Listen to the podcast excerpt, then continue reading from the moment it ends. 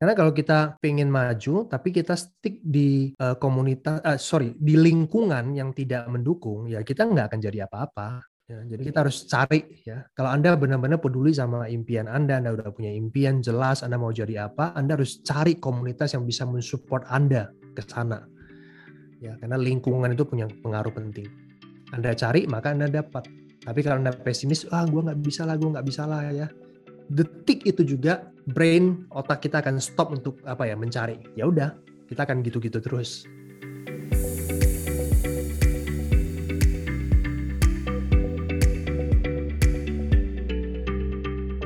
Hai guys, welcome back to the Better Story Podcast. Nah, di podcast ini kita akan menguak dan membahas untold story atau cerita yang biasanya nggak diceritakan di balik pencapaian yang dicapai figur yang akan kita interview. Nah, kami sangat-sangat berharap untold story mereka bisa menginspirasi kamu to own your story and to create your own kind of better story.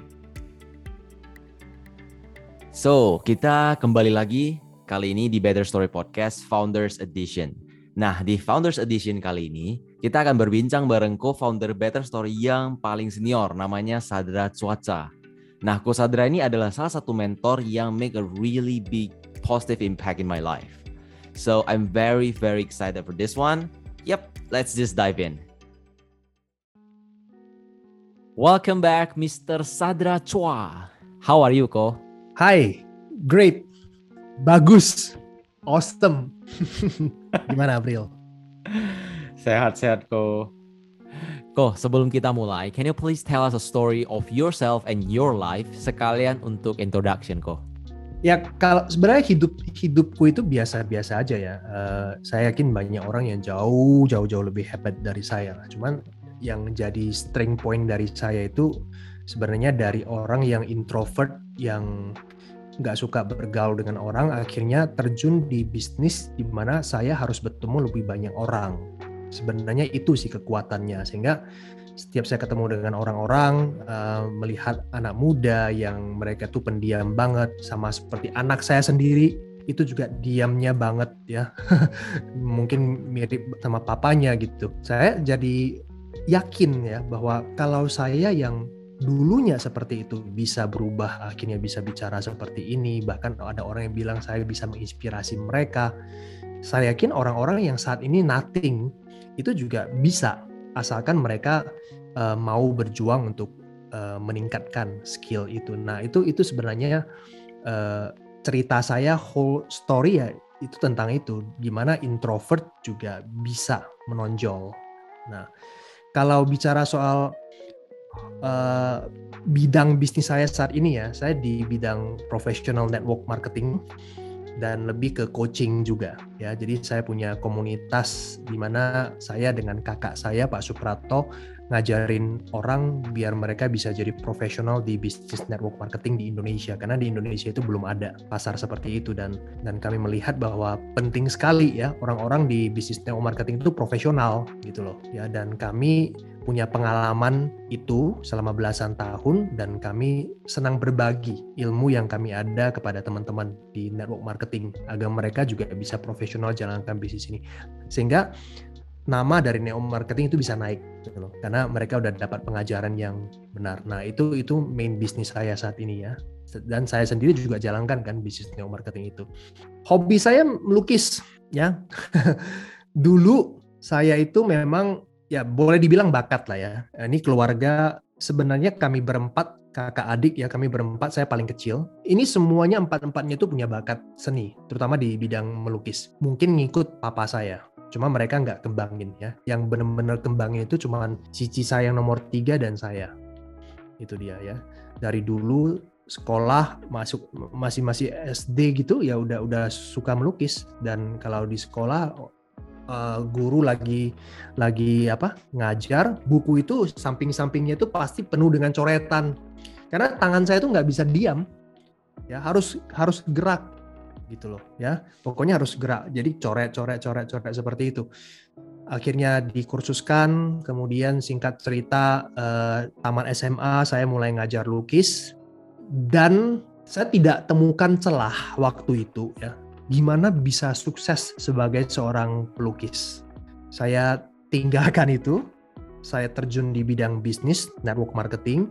Nah, di sana saya berkembang. Nah, belakangan ini tepatnya 2018 hobi ini mulai mulai saya saya lakukan lagi gitu loh ya untuk stress release karena gimana pun juga ya Bril kalau kita kerja senyaman apa pun pekerjaan kita nggak mungkin kita akan happy terus yap agree kok ya kan benar kan kita pasti akan jenuh gitu loh seperti saya tiap hari ketemu dengan orang ketemu dengan orang bicara hal yang sama gitu ya eh, menghadapi masalah yang sama itu stres, sometimes stres dan itu hal yang wajar sih. Nah, waktu stres itu kita butuh sesuatu yang bisa membuat kita itu calm down kembali. Nah, saya temukan di ini melukis. Jadi malam-malam ya saya gunakan waktu sambil dengar musik di YouTube atau mungkin dengar motivasi di YouTube, saya sambil melukis. Ya, jadi upgrade lagi skill saya, tapi saya gak gunakan untuk untuk uh, uh, profit ya untuk saat ini ya. Jadi uh, just benar-benar bikin ini sebagai hobi beneran, ya. Jadi nggak beban jadi nggak dijadiin profesional. Melukis melukis ya sudah 2018 lah sampai sekarang. Melukis terus. Untuk untuk stress release saya. Jadi feel agak legaan kalau lagi punya masalah. Saya lempar di melukis itu feelnya enak banget karena seorang introvert gimana pun juga ya eh, sehebat apa pun juga kita pasti punya sisi kita ini kepingin punya me time lebih banyak ketimbang orang extrovert nah me time saya salah satunya itu adalah melukis itu dia itu kira-kira gambarannya. Oke. Terus apa nih kok yang mendorong dan memotivasi Koko untuk keluar dari comfort zone? Karena menurut aku ya, hal yang Koko lakukan sekarang ini benar-benar di luar comfort zone banget. Dan ini menurut aku benar-benar ekstrim sih untuk orang introvert seperti Koko dan apalagi aku nih. Nah, apa nih yang mendorong dan memotivasi Koko? Karena impian saya itu lebih besar daripada masalah saya simpelnya itu. Saat impian kita itu lebih besar dari masalah, maka kita akan keluar dari zona nyaman. Saya kan ketemu dengan mentor saya ya di bisnis jaringan yang mereka itu coba menggali impian saya gitu. Ya, apa ke depannya kamu mau seperti apa dan sebagainya, sebagainya digali dan itu semuanya make sense gitu. Akhirnya saya pikirkan, wah kalau saya waktu itu saya juga sebagai pegawai kan di sebuah kantor nggak punya impian-impian yang cukup besar gitu loh ya. Merasa bahwa ya udah nanti jadi pegawai aja nanti paling one day beberapa tahun mungkin lima tahun tujuh tahun lagi jadi manajer gitu. Tapi di, di apa ya di, dikasih tahu bahwa konsep tentang passive income cash flow quadrant seperti apa lu nggak bisa kerja selama lamanya nah konsep-konsep dari Robert Kiyosaki itu benar-benar masuk akal buat saya. Nah itu yang membuat akhirnya berpikir banyak dan oh iya ya kayaknya gue harus do something. Gak bisa hanya sekedar ngomong oh gue kan introvert gue nggak bisa gue nggak bisa. Nggak bisa kayak gitu. Gue harus berubah. Nah karena impian saya itu besar makanya saya rela untuk belajar hal-hal baru. Yaitu mulai bicara dengan orang-orang yang sesuatu yang aduh nggak akan saya lakukan gitu kalau bisa memilih ya kalau bisa memilih ya seorang introvert ya. Bicara sama orang baru atau diam aja? Diam aja deh. Nah, kayak gitu. Tapi ya I do it. Kenapa? Nggak ada pilihan. Keluarga bukan orang kaya banyak yang dapat warisan tinggal lanjutkan bisnis enggak artinya kalau gue mau bisnis ya gue harus mulai sendiri. Nggak ada pilihan lain kecuali bisnis network marketing pada waktu itu. Dan bersyukurnya saya punya mentor dan mentor saya itu peduli banget sama saya. Dua mentor saya itu lah peduli banget sama saya. Nah, itu yang membuat saya berkembang dan mau keluar dari zona yang nyaman. But what about kita reverse back Niko? Di mana Koko berada di situasi yang sama, tapi kali ini bedanya nih Koko ini tanpa dua mentor yang membimbing lu itu kok. Gimana kok? Good question dan jujur aja saya belum kepikiran sampai detik ini lu tanya. ini pertanyaan belum pernah diajukan ke saya seumur hidup saya. iya ya bener juga ya. Seandainya nggak ada tawaran itu ke saya, saya bakal jadi apa ya? Mungkin ya, mungkin saya tetap akan berada di zona nyaman, pergi pagi, pulang petang, ngantor, mungkin itu aja. Pulang rumah ya udah uh, nonton, uh, ya udahlah nggak nggak usah berpikir kepingin mewujudkan impian A, B, C, nggak perlu seperti itulah, nggak nggak ada, nggak kepikiran. Karena kami itu dari keluarga yang pesimis sebenarnya. Mama papa saya itu ya, uh, karena melankolis juga ya, banyak mikir intinya. Dulu pernah, ih kita punya modal nih, mau bisnis nggak? Oh boleh, mau bisnis. Bikin apa? Toko roti. Tapi gimana ya kalau nanti rotinya nggak nggak laku ya? Selalu berpikir jeleknya. Jadi akhirnya ngerti kan?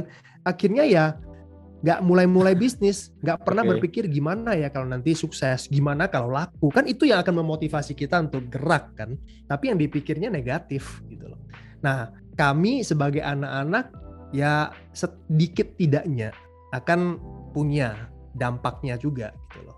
Ya kalau nggak ketemu dua mentor itu ya which is salah satu itu adalah kakak kandung saya. Mungkin ya saya sekarang ya kita nggak ketemu lagi Bril. Mungkin mungkin kamu uh, punya better story ya foundernya itu salah yeah, satu yeah. udah pasti bukan saya. Karena saya lagi di kantor kerja sama orang. Tapi bukan berarti kerja di kantor salah loh ya bukan loh ya. Karena dulu kan saya juga kerja di kantor. Cuma kan setiap orang itu punya potensinya. Nah kebetulan bukan kebetulan juga lah ya saya itu berhasil tergali gitu loh. Bahwa ternyata saya itu bisa melakukan lebih daripada hanya sekedar kerja ke orang. Saya ternyata bisa memimpin saya bisa berbisnis juga. Nah potensi itu yang tergali berhasil digali oleh uh, mentor saya.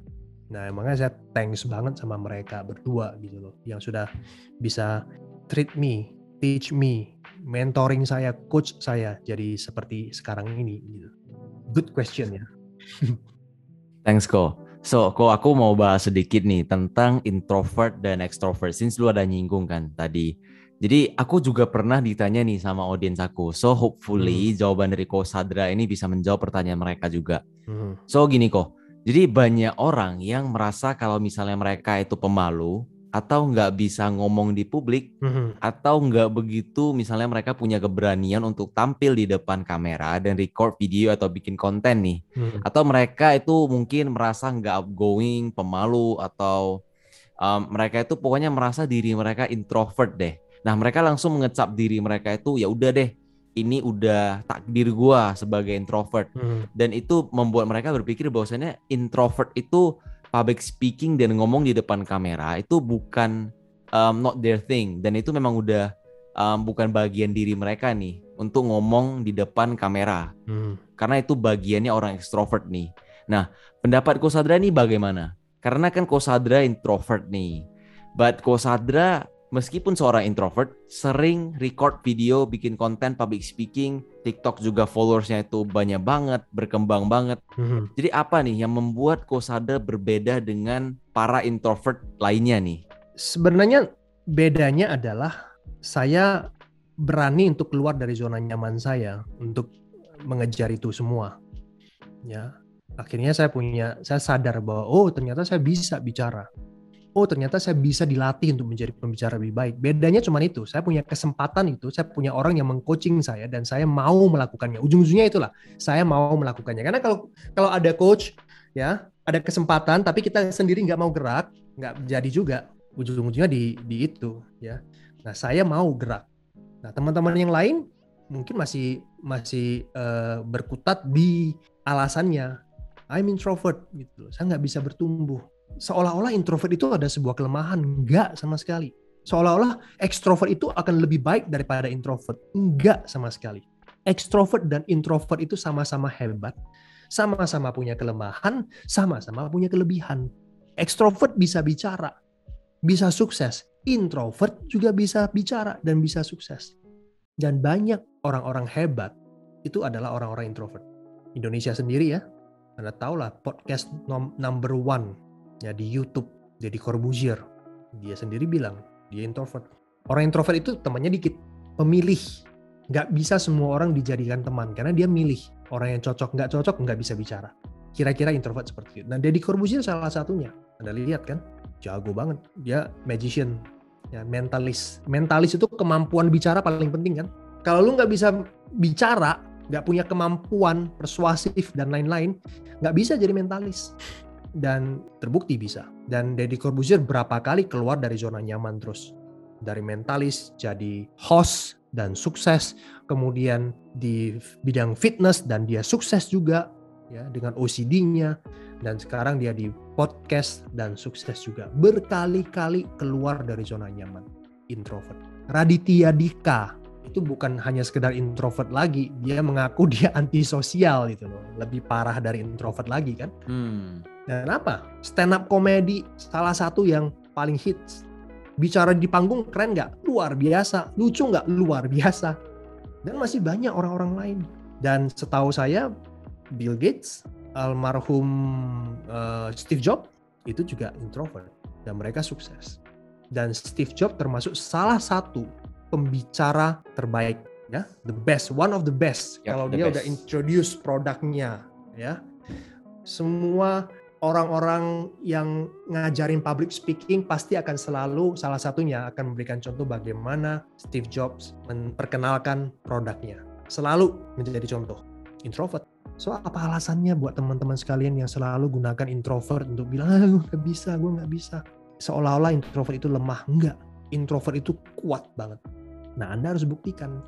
Makanya temukan dulu apa yang kamu mau capai, mau raih dalam hidupmu kemampuan bicara itu bukan sebuah skill yang tidak bisa dilakukan dan itu adalah skill yang sebenarnya harus Anda miliki karena kemampuan komunikasi itu sangat dibutuhkan dalam rumah tangga, dalam hubungan keluarga, sewaktu Anda berhubungan dengan bos Anda, cara komunikasi. Semua itu penting loh komunikasi. Jadi jangan pernah bilang bahwa asa introvert saya nggak bisa bicara. Saya udah buktikan kok ke teman-teman sekalian. Kalau saya bisa ya anda nggak beda jauh sama saya. Malah mungkin Anda jauh lebih oke. Okay. Kalau saya bisa ya, Anda juga seharusnya bisa. Gitu. Anda juga nggak seharusnya bisa. Anda juga seharusnya bisa. Bukan seharusnya bisa. Anda juga seharusnya bisa kalau saya bisa. Agree banget sih kok. Soalnya gue juga pernah punya trauma pernah karena sekarang trauma ini udah heal. Mm-hmm. dan harusnya Sadra udah tahu sih cerita ini. Tapi um, let me tell it again so the audience bisa dengerin dan tahu juga. Jadi ceritanya gini trauma ini berasal dari kejadian di SD kelas 1 di perceraian papa dan mamaku. Yeah. nah sebelum mereka bercerai aku dan adik-adikku ini udah pada diperubutin terus nih kayak produk yang lagi promo deh. Nah mama bawa kami ke rumah mama and then papa bawa polisi ke rumah mama and then hmm. untuk bawa kami ke rumah papa nih. So kurang lebih um, kejadian ini terjadi beberapa kali deh back and forth. Nah suatu malam hmm. kami ini udah di rumah papa nih ceritanya. Nah suatu malam papa yang jarang punya waktu untuk anak-anaknya tiba-tiba ajak aku main kembang api fireworks. And then juga setelah itu bawa aku keliling-keliling kota naik motor. Nah That night is the most amazing night I ever had. All I want is quality time and love from my parents, right? That's all. Nah, Kosadra juga adalah parents. Harusnya Kosadra juga tahu dan ngerti dan relate nih. Ya, yeah, ya, yeah, ya. Yeah. But setelah that amazing night, nah besok siangnya ini aku dibangunin nih dari tidur siang. Mm-hmm. Adik-adik aku ini nggak dibangunin. Nah, aku dibangunin untuk dibawa ke sebuah tempat, nggak tahu ya tempat ini tempat apa, can be pengadilan, tapi sejujurnya aku nggak tahu, nggak jelas, tapi seingatku ini, ingatan masa kecilku, tempat ini ramai banget, banyak orang yang aku nggak kenal. Nah, what happened after that is my father berdiri di depan sebuah mobil, terus my father itu suruh aku masuk ke dalam mobil, and then aku sadar nih, ini bukan mobil papa, jadi aku nggak mau masuk. Dan aku itu pegang tangan papa erat banget. Mm. Badan papa masuk ke dalam mobil nih. Aku takut dong ditinggal oleh papa. Mm. Nah setelah itu aku pun ikut masuk. And then setelah aku masuk, papa langsung lepasin tanganku secara paksa. And then keluar dari pintu satunya lagi. Dan dari pintu kiri dan kanan itu ada orang yang masuk tuh. Untuk nahan aku supaya nggak keluar dari mobil itu. Then I saw my mom and my grandma di mobil itu. Ya. Yeah. Dan mobil itu akhirnya pun jalan. And that's the last time I ever saw my dad. Ah, oke. Okay. And that was the time I feel betrayed and the trauma was born. Nah, semenjak itu aku jadi merasa setelah something good happens to me in my life, something bad is going to happen too.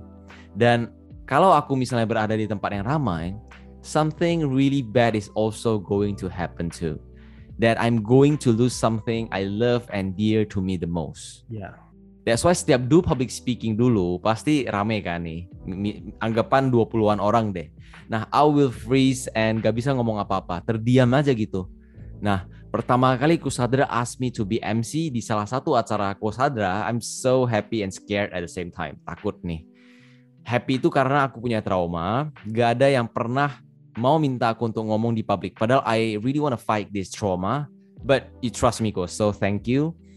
And scared, takut karena I'm so afraid that I will freeze and malu-maluin diri sendiri. Bahkan bener tuh, aku bener-beneran freeze di awal dan di tengah-tengah acara, but I still remember kok.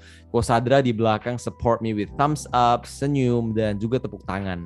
That's why aku relate banget ketika Ko Sadra bilang bersyukur karena ada dua mentor yang selalu mendorong dan membimbing Ko Sadra.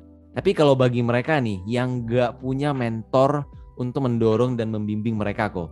Nah menurut Koko apa yang harus mereka lakukan? Karena menurut aku nih, meeting a mentor yang benar-benar cocok dan bisa nge-guide kita, it's not that easy kok and simple. Dan aku yakin gak semua orang punya kesempatan untuk bertemu dengan mentor ideal mereka. So, apa yang harus mereka lakukan kok? Masuk komunitas. Sekarang itu kan banyak banget ya komunitas ya. Salah satunya Better Story dan Brilliant juga punya komunitas lain yang di mana teman-teman sekalian itu punya kesempatan untuk ketemu banyak orang-orang hebat lainnya atau mungkin mereka sedang proses menuju hebat. Nah, bayangkan kalau Anda bersama dengan teman-teman berjuang di komunitas yang sama mencapai impian masing-masing, berjuang bareng-bareng. Nah, itu akan saling menguatkan gitu loh. Jadi that's why I love my business gitu loh. Di network marketing saya di sana saya bertumbuh karena di komunitas ini saya belajar banyak itu dia ya nah teman-teman nggak harus di neo marketing ya. Nggak harus. Banyak lah saya saya rasa anda harus mencari komunitas-komunitas yang bisa membantu anda untuk grow ya. Dan salah satunya itu ya yang sudah ada di podcast ini teman-teman sekalian nggak usah jauh-jauh lagi. Karena komunitas itu benar-benar penting ya. Lingkungan kan kita bicara soal lingkungan kan. Lingkungan itu sangat mempengaruhi kita. Itu sih saran saya. Kuda negeri Morsiko, lingkungan itu sangat-sangat mempengaruhi kita. Tapi kok untuk para introvert di luaran sana pasti susah nih karena kemungkinan besar mereka pasti punya limiting beliefs yang kita omongin tadi nih. Malu lah, susah mulai pembicaraan lah. Nah, karena lu masih ingat gak kok ketika aku ke Pekanbaru sebulan to expand my team, itu susah banget kok di sana. Ya. Aku masih ingat aku duduk di Starbucks seharian mau kenalan dengan orang baru karena di Pekanbaru kan aku nggak kenal siapa-siapa nih. Bener-bener new banget Nah, I still remember duduk dari siang sampai jam 5 di sana. Mm-hmm. Padahal aku udah tahu nih mau ngomong sama siapa, ngomongnya apa. Aku udah tahu nih, udah kebayang.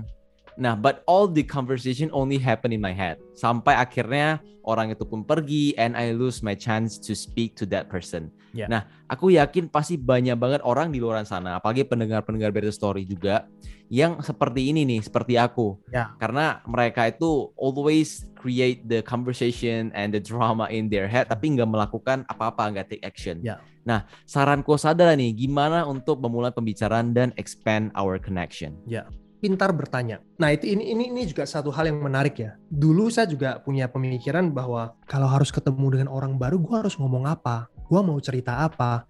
Jadi orang introvert itu selalu berpikir gue mau ngomong apa? Karena gue nggak bisa bicara kan? Gue nggak bisa bicara. Gue mau bahas topik apa? Nggak ada. Kosong otakku. Ya kan itu kan? Itu yang ditakuti gitu loh. Nah saya belajar ternyata untuk jadi komunikator yang baik itu nggak selalu melulu gue mau ngomong apa bukan. Tapi bertanyalah dan jadi pendengar yang baik. Wah kalau hanya sekedar bertanya orang itu cerita saya dengar gue bisa. Itu introvert banget. Itu gue banget. Ngerti kan?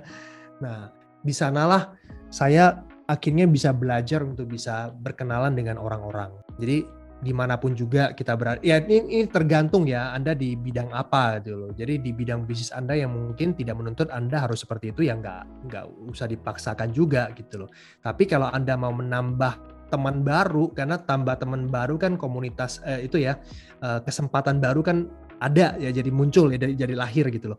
Nah, yang bisa Anda lakukan adalah setiap ketemu orang Anda senyum, kemudian basa-basi ya dari kota mana atau atau mungkin sekarang usaha apa. Ya udah lebih banyak bertanya. Kalau Anda bertanya, dia cerita, Anda mendengar. Nah, kalau Anda ketemu dengan kebetulan dia orang introvert, dia juga bicaranya juga ya dia cuma sekedar menjawab setelah itu dia stop ya udah berarti ini bukan orang yang bisa diajak ngobrol panjang cari lagi yang lain kayak gitu loh itu yang saya lakukan dulu karena kan di bisnis jaringan saya karena daftar nama saya sedikit memulai bisnis uh, eh, MLM saya harus uh, berkenalan dengan orang-orang baru nah itu yang saya lakukan nah di bidang bisnis anda belum tentu anda butuh seperti itu Tapi kalau mau uh, berkenalan dengan orang baru, ingat aja ya, nggak perlu hanya sekedar mikir gua mau ngomong apa, ya. Tapi gua mau tanya apa. Setelah itu jadilah pendengar yang baik, itu dia. Dengar dengan serius. Nah itu itu ada ada materinya sih, yang materinya panjang. Gimana jadi menjadi seorang pendengar yang baik? Nah itu dia. Eh, but talking about jadi pendengar yang baik ini kok, asking questions ya. Nah kalau ini nggak tahu orang di luar sana mengalami atau enggak, tapi aku personally sih sering mengalami ini dulu. Bahkan sekarang terkadang masih ada. Nah, sebagai seorang introvert yang harus move ke online ketika COVID awal masuk ke Indonesia, karena itulah masa di mana aku mulai sering IG live di House of Leaders nih. Jadi gini kok, mm -hmm. ketika kita jadi orang yang menginterview orang lain, mm -hmm. harusnya ketika orang lain ngomong kan kita dengerin nih, kita perhatiin, mm -hmm. and then dari sana kita baru lontarkan kembali sebuah pertanyaan atau kita relate ke jawaban itu, and then kita jawablah gimana. Pokoknya yeah. kita harus relate dulu nih, gitu kan kok? Ya. Yeah. But sering kali karena aku yang menginterview, selagi orang itu jawab pertanyaanku, saking takutnya itu aku nggak bisa jawab pertanyaan dia atau misalnya tanya atau melontarkan kembali sebuah pertanyaan ke dia dan aku takut banget mempermalukan diriku sendiri. Otakku ini udah mulai mikirin pertanyaan lanjutan nih sambil dia menjawab. Nah, otakku ini udah chaos banget nih di dalam. Jadi mikir-mikir-mikir dan akhirnya orang itu selesai jawab, dan aku freak out nih waduh aku belum kepikiran nih pertanyaan apa yang harus ditanyain um, atau gimana responnya karena lagi mikir aku nggak bener-bener perhatiin dia jawab apa and then boom aku freeze akhirnya nah kalau aku sadar berada di posisiku apa yang akan kau sadar lakukan instead Ya, kalau saya ngobrol sama orang, saya kan biasa tanya ya, kerjaan di mana, di bisnis apa? Oh, bisnis itu lagi rame ya. Saya selalu tanya seperti itu. Oh, bisnis itu lagi rame ya kalau saya ketemu orang saya nggak pernah tanya dia kerja di mana lah. Ya saya selalu tanya kamu usaha apa? Ya jadi kita naikkan gitu loh. Karena belum tentu uh, kalau kita bilang kerja di mana ternyata dia itu pengusaha kan nggak enak jadinya. Kita seolah-olah merendahkan kan bener kan? Nah kita lebih bagus kita tanya kamu gerak di bidang apa? Wah udah berapa lama di usaha sana? Usaha itu lagi rame ya? Dan biasanya kan orang bilang, ah uh, di masa pandemi agak susah sih ini. Oh kenapa begitu? Nah, udah. Jadi kita lontarkan pertanyaan-pertanyaan singkat biarkan dia jelaskan. Oh saya juga punya teman loh uh, yang di bidang yang sama seperti ya kalau misalkan ada ada punya ya udah anda bisa lanjut. Kalau misalkan dia cerita tentang sebuah bidang yang anda nggak ngerti, anda boleh tanya, hmm, saya kurang paham itu geraknya seperti apa ya pak? Nah udah. Jadi seolah-olah anda punya keinginan tahuan yang besar. Gitu. Tapi ingat ya hati-hati jangan sampai anda terkesan kepo. Jangan sampai masalah keluarga, private life-nya itu Anda tanya terlalu dalam, padahal Anda baru kenal ya, jangan juga. Jadi Anda hanya bahas hal-hal yang umum, dan itu butuh latihan. Ya, karena kalau ngobrol itu bukan nggak seperti textbook ya, A, B, C, nggak. kalau komunikasi itu itu ya udah flow aja, ngobrol aja gitu loh. Nah itu nanti Anda akan memperbaikinya ya dari pengalaman sambil Anda rajin membaca buku ya kalau misalkan Anda gerak di bidang asuransi Anda coba komunikasi dengan coach Anda lihat coach Anda bicara seperti apa yang Anda respect dengan mereka atau Anda di bidang MLM Anda pasti punya juga coach yang ih enak ya kalau dia bicara sama orang. Anda perhatikan ya dan tiru seperti itu. Dan Anda praktekkan. Nanti lama-lama makin bisa ya. Ada teknik-tekniknya ya seperti mendengar itu seperti apa bertanya itu seperti apa. Itu menarik sih Yes, love that so much kok. The more we do it, the better we are at it. Aku selalu ingat sih kata-kata yang lu bilang ke aku kok. The key to success is bangkit satu kali lebih banyak. Ya itu, pengalaman saya bilang. Ya, pengalaman. Dan kita belajar dari, oh ini kesalahan saya kemarin seperti ini ya, seperti itu ya. Intinya Anda para introvert ya, kita uh, se apa sejenis ya. kita sebangsa satu kaum ya introvert, Anda bisa ya jangan pernah bilang bahwa Anda nggak pintar bicara, Anda nggak bisa. Aduh, saya kepingin nih uh, jualan misalkan ya. Anda saya kepingin jualan, saya kepingin nih seperti selebgram selebgram lain yang bisa promo produknya bagus. Nasihat saya cuma satu, do it, lakukan. Jangan terlalu banyak mikir. Angkat HP Anda dan mulai bicara. Ya, sampai nanti Anda akan ketemu style Anda sendiri. Orang-orang beda-beda. Saya dengan brilian beda, saya dengan orang lain beda. Saya punya style saya sendiri, orang lain punya orang lain eh, style orang lain sendiri. Ya.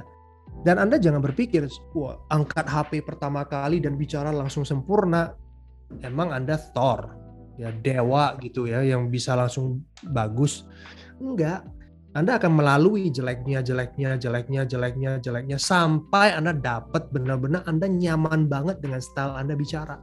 Ya kalau memang Anda berpikir ya, gue introvert, gue mau jualan, bisa nggak? Jawaban saya bisa. Ya bukan soal bisa atau enggak sebenarnya. Anda mau atau tidak. Itu keluar dari zona nyaman saya. Aduh bener-bener nggak enak loh, risih loh. Aduh banyak orang pengalaman gini loh ya. Dia bicara di, di, di depan HP, ya. Dan dia dengar ulang, dia memuntah. Gak bisa lihat diri sendiri, benar kan? Jadi Anda jangan pikir lihat sendiri dan aduh nggak nggak oke nih jelek banget nih. Anda langsung berhenti. Nggak itu adalah reaksi normal. Semua orang sewaktu pertama kali bicara di depan kamera ya. Dan itu akan terjadi berkali-kali. Saya alami dan saya yakin Brilian juga alami. Sampai nanti Anda merasa bahwa oke okay, gue udah terbiasa nih terbiasa nih lihat diri sendiri. Nikmati aja prosesnya. Lama-lama juga Anda nanti bisa. Anda Anda pikir dengan cara saya bicara seperti ini lancar-lancar-lancar gitu, disuruh saya tiba-tiba jualan sesuatu gitu, langsung bisa seperti selebgram yang lain? Enggak. Gua harus latihan ulang lagi. Ya, wih ini minumannya enak banget loh rasanya seperti ini. Apakah saya langsung bisa? Enggak. Gua harus latihan lagi. Semua orang juga akan alami. Salah ngomong, take ulang lagi, salah lagi, take ulang lagi, sampai Anda benar-benar kuasai. Itu prosesnya saya nggak bakat bicara. Kakak kandung saya Pak Suprato dia memang oke okay, ya kalau bicara. Saya nggak seperti dia. Tapi saya bisa nggak punya level cara bicara seperti dia? Bisa. Dengan cara apa? Latihan dua kali, tiga kali lebih banyak dari Pak Suprato. Dari kakak saya. Ya. Jadi kita harus tahu dulu, kita, oh iya ya, nggak punya bakat di sana nih. Berarti gue harus latihan ekstra. It's okay, no problem. Yang penting hasilnya itu oke. Okay. So what kalau latihan dua kali, tiga kali lebih banyak? Apa ruginya? Dari 2006 kalau nggak salah saya dan Pak Suprato itu bikin kelas uh, public speaking, tapi memang lebih concern ke orang-orang yang jalankan MLM sih, karena kita lihat kan waktu itu kebutuhan orang jalankan MLM kok kalau di panggung itu bicaranya kok kayak, aduh berlebihan lebay banget, ya beri, semangat, wah kayak kayak orang pasukan ya nggak profesional cara kadang cerita tentang cara mereka mewujudkan impian juga ditambah bumbu dan akhirnya berlebihan lebay nah kita ini yang jalankan MLM di garis yang profesional gitu loh. Maksudnya ya kita bicara apa adanya. Nah kita lihat kebutuhan itu. Nah kita latih tim kita ya. Awalnya dari kelas-kelas itu juga kita nggak bisa terima banyak orang ya. Karena kan kita langsung latihan. Yang berian udah pernah ikut sih. Ada power speakingnya kan kok kan power speaking training yeah. yang kita adakan dan dan kamu juara satu kan? Iya. nah itu. Kita dari 2006 sudah ngadain satu tahun itu biasa kita lakukan dua kali kelas ya. Dua kali untuk bisa menemukan siapa pembicara berikutnya nih di komunitas kita gitu loh. Ya setiap tahun. Itu dia. Sampai akhirnya ya sekarang lah ya. Sekarang kita lakukannya di online. Itu dia. Eh kok tapi dulu pas aku jadi MC pertama kali itu lu yang mau atau aku yang minta ya kok ya? Eh uh, kayaknya sama-sama deh. Saya lupa. Ya karena saya selalu lihat kalau ada lead orang calon leader atau udah punya tim berkembang dia punya pengaruh seperti kamu udah pasti saya minta tolong untuk yuk kamu jadi jadi MC udah pasti gitu Ways, thank you ko. Gua bersyukur banget sih ko. Karena itu titik pertama nih, titik awal gua mulai. Kalau lu nggak minta atau nggak kasih gua kesempatan untuk jadi MC waktu itu, mungkin aku sampai sekarang belum punya stage untuk ngomong. Berarti sebelumnya tuh belum pernah ya bicara? Belum pernah kok. Eh, pernah sih sebenarnya. Ah. Jadi pas SMP, gue iseng ikut lomba presentasi. Nah ternyata tim gue masuk final nih. Nah. Tapi gini nih, ketika awal sebelum masuk final, itu ngomongnya di depan empat guru doang. Jadi lebih oke okay lah, hmm. lebih gampang. Nah, tapi ketika final ngomongnya itu di depan satu sekolah kok. Waduh, itu ruangannya dingin banget kan. Tapi aku keringetan basah semua, satu baju basah semua tuh. Dan itu terakhir kali gue ngomong di publik. Nah, gue pernah minta sih sebenarnya, tapi nggak pernah dikasih kok karena kata mereka gue itu belum siap. Dan ketika Kosadra oke, okay, aku tuh surprise banget, terkejut banget. Ih, ini Kosadra kok mau kasih ya? Hmm, hmm, hmm, That's why aku bersyukur banget and thankful banget kok um, for this opportunity. And also agree pakai banget bahwasannya mentor itu penting banget karena kalau nggak ada Kosadra yang push aku untuk ngomong di publik pada saat itu, ya. mungkin sampai sekarang aku belum jadi public speaker. Ya. Aku nggak bisa serve more people. Kayak yang lu bilang Dako. Kalau nggak ada mentor yang nge-push lu pada saat itu, mungkin sekarang Kosadra masih kerja sama orang lain, bangun dreamsnya orang lain. Hmm, betul betul. Setuju. Dan kita semasa selama 19 tahun di industri ini ya kita udah lihat banyak perubahan-perubahan yang terjadi dari orang yang dulunya itu wah gila lah culunnya luar biasa tapi akhirnya bisa menjadi pembicara yang hebat gitu loh. Makanya saya itu nggak punya keraguan sama sekali kalau melihat ada orang yang dia ngaku introvert dan dia bilang dia nggak bisa gitu loh. Saya nggak percaya, tinggal skill skill communication skill ke orang itu aja ya pelan-pelan untuk arahkan dia untuk, nah lihat kan, kamu bisa kan, nah yuk naik lagi yuk, nah lihat kan, kamu bisa kan, kamu bisa kan, kamu bisa kan, nah akhirnya dia benar-benar jadi pede.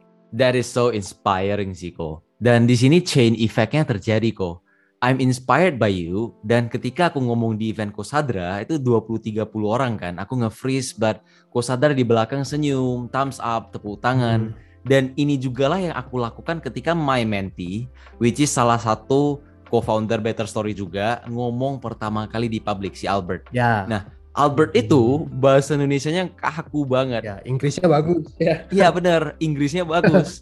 nah, jadi ketika dia ngomong di depan itu juga lah yang aku lakukan ke dia kok thumbs up senyum tepuk tangan di belakang supporting dia meskipun dia tuh grogi di depan awkward um, takut salah entah dia salah atau enggak dia ragu dan itu sangat-sangat membantu dia to keep going on sih kok dan dia juga ada bilang kaku sih so aku totally agree banget bahwasannya kita itu butuh banget seorang mentor di hidup kita.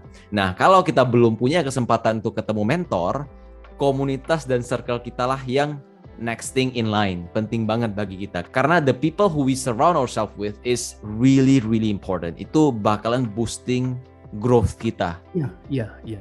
Karena kalau kita pengen maju tapi kita stick di uh, komunitas uh, sorry di lingkungan yang tidak mendukung ya kita nggak akan jadi apa-apa Ya, jadi kita harus cari ya. Kalau Anda benar-benar peduli sama impian Anda, Anda udah punya impian jelas, Anda mau jadi apa, Anda harus cari komunitas yang bisa mensupport Anda ke sana. Ya, karena lingkungan itu punya pengaruh penting.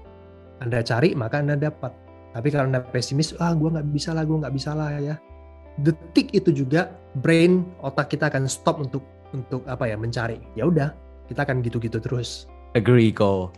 Alright deh, Kosadra, it's always a pleasure chatting with you. Yeah. I enjoy this um, conversation so much. Ada gak kok any advice, nasihat dari Kosadra yang Kosadra pengen nyampein ke pendengar Better Story Podcast? Ya, saya cuma mau kasih tahu ke semua orang karena zaman sekarang itu kan banyak sekali orang yang mengaku introvert ya. Anak saya introvert, dia introvert, introvert. Kayaknya introvert itu makin lama makin banyak, benar ya. Dan orang introvert itu selalu punya alasan bahwa yang tadi ya, gue nggak bisa, gue hanya bisa ini, gue hanya bisa itu. Jadi gunakan introvert sebagai alasan dia nggak grow. Ya itu problem teman-teman ya. Sedangkan kita tadi udah cerita bahwa ternyata banyak orang yang bisa sukses dan ternyata mereka introvert.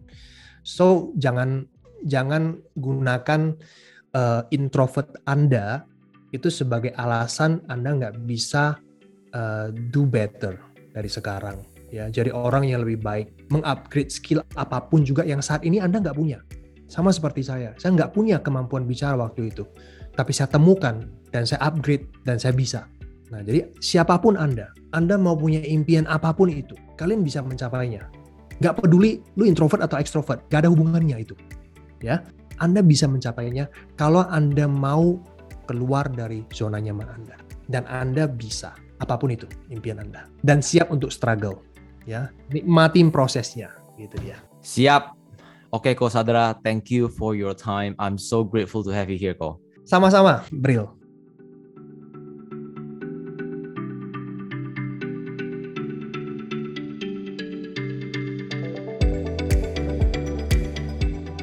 Hey guys, I just want to say thank you so much for staying tuned with us di podcast ini. It really means a lot to us. By the way, kalau kalian mau reach out ke Kosadra, maybe ada pertanyaan personal yang mau ditanyain ke Kosadra, You can reach him out di Instagram Kosadra at Sadrak S A D R A K H. And as always, kalau kamu belum, jangan lupa untuk follow podcast kita, subscribe, dan juga review. Terutama review karena itu akan sangat membantu kita untuk improve. Anyway, thank you once again. We love you all. Big love, stay tuned, and see you in the next episode.